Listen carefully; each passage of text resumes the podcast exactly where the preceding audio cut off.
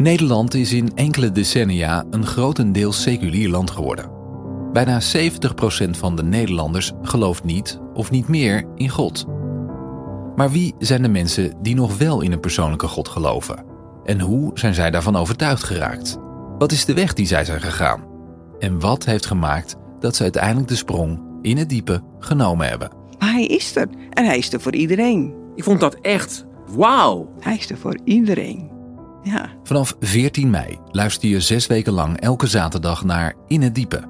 In het Diepe is een podcastserie van Eerst Dit, waarin Wilfred van Rijn, theoloog en een van de initiatiefnemers van Eerst Dit, spreekt met gasten die uit totaal verschillende achtergronden toch tot dezelfde overtuiging zijn gekomen. God bestaat. Dat is vreugdevol. Dat is in zichzelf zingevend. In het Diepe is een podcast van de Evangelische Omroep, IZB en NPO Radio 5.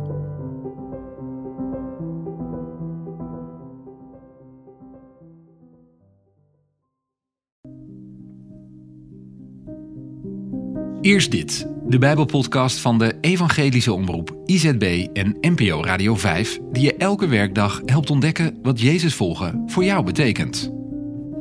Vandaag door Margriet van der Kooi.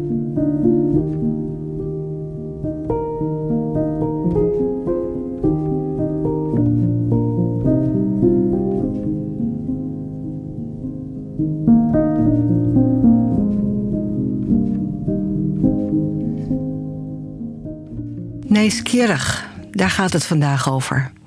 Uit Jeremia 34, de versen 8 tot met 18. De Heer richtte zich tot Jeremia. Nadat koning Sedekia met de inwoners van Jeruzalem de overeenkomst gesloten had dat er een algehele vrijlating zou worden afgekondigd. Alle Hebreeuwse slaven en slavinnen zouden worden vrijgelaten, zodat geen Judeër nog een volksgenoot als slaaf in dienst zou hebben. De leiders en inwoners die deze overeenkomst waren aangegaan, namen hun verplichting na en lieten hun slaven vrij. Maar enige tijd later kwamen ze erop terug.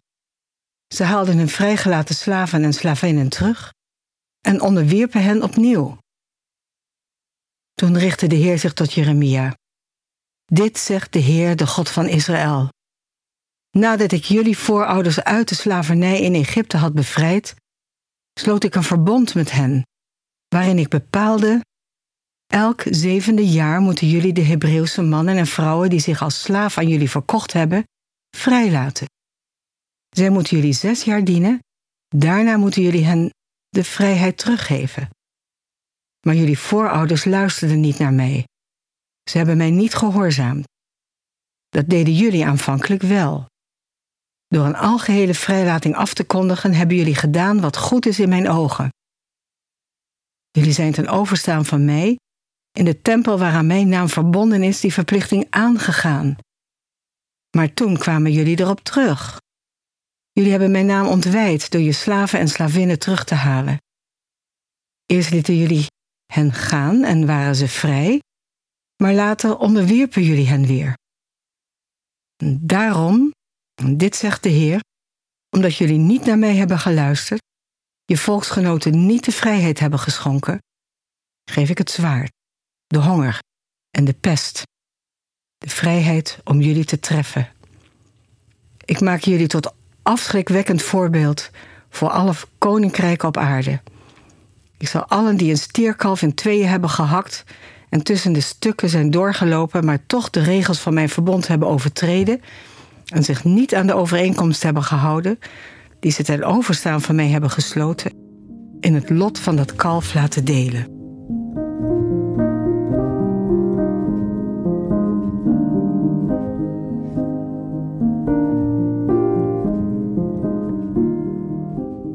Was Willem van Oranje de vader van koningin Wilhelmina? Hoorde Nederland voor de oorlog bij Duitsland? Is de paus ook christelijk? Aten de eerste christenen nou echt baby's? Vragen die langskwamen in gesprekken met begintwintigers. Dat vertelt iets over hoe een goed idee het is om een tv-serie over vaderlandse geschiedenis te maken. Het verhaal van Nederland. Mijn man en ik kijken er met nieuwsgierigheid naar.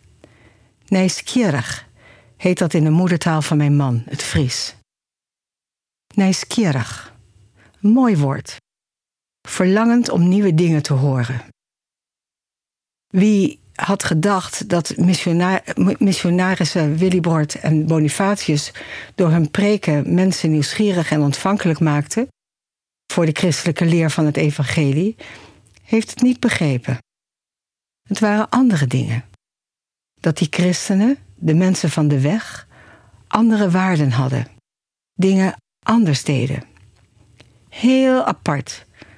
Ze geloofden niet dat je de goden van je land tevreden moest stellen met mensenoffers, kinderoffers.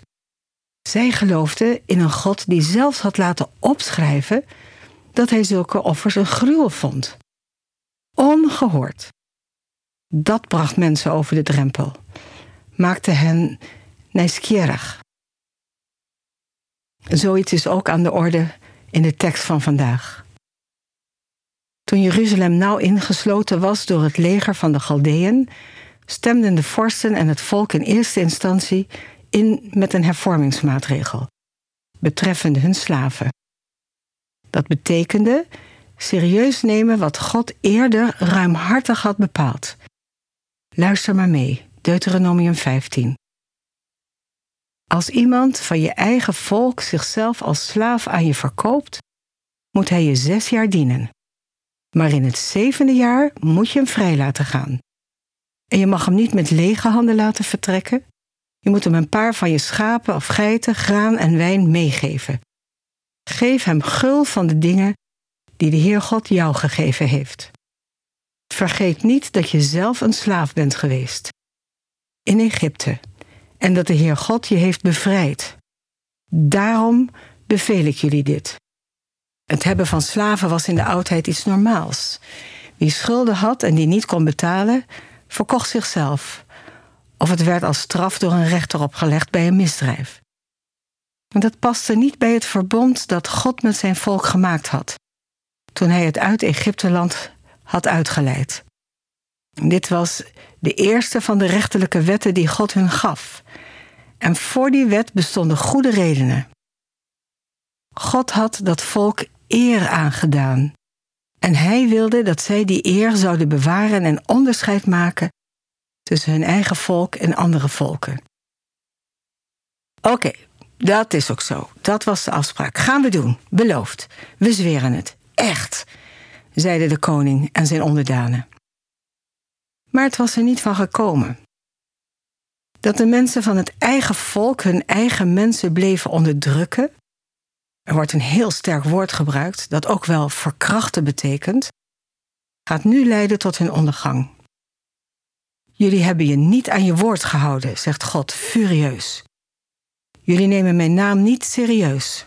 Dan kun je ook niet meer op mijn bescherming rekenen. Waarom verwierp God de slavernij niet meteen helemaal? Alle vormen van slavernij zijn toch onmenselijk, mensonwaardig? Ja, daar is een hele podcast over vol te praten. Laten we hier in elk geval zeggen dat er hier een begin gemaakt wordt van een grote maatschappelijke verandering, die de volken rondom ongehoord zouden hebben gevonden, die de nieuwsgierigheid naar die andere God zouden wekken.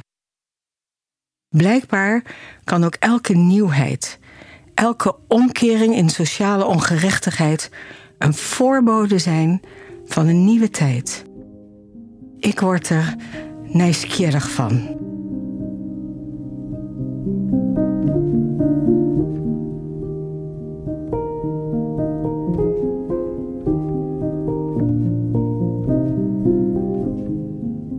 Herken je in sporen van recht en gerechtigheid, nieuwheid, sporen van de geest, het afschaffen van de slavernij, gelijke kansen voor alle mensen, het groeiende inzicht dat we zorg moeten dragen voor de schepping, dat sociale gerechtigheid een groot verlangen van God voor ons is.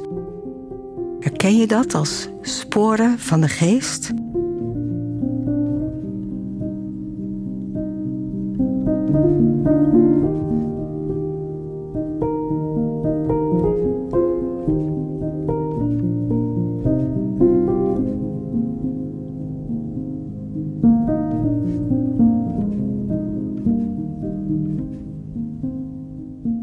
Vader God, wat heb ik dat me niet gegeven is? Dank voor alles wat ik heb, van u ontving. Amen.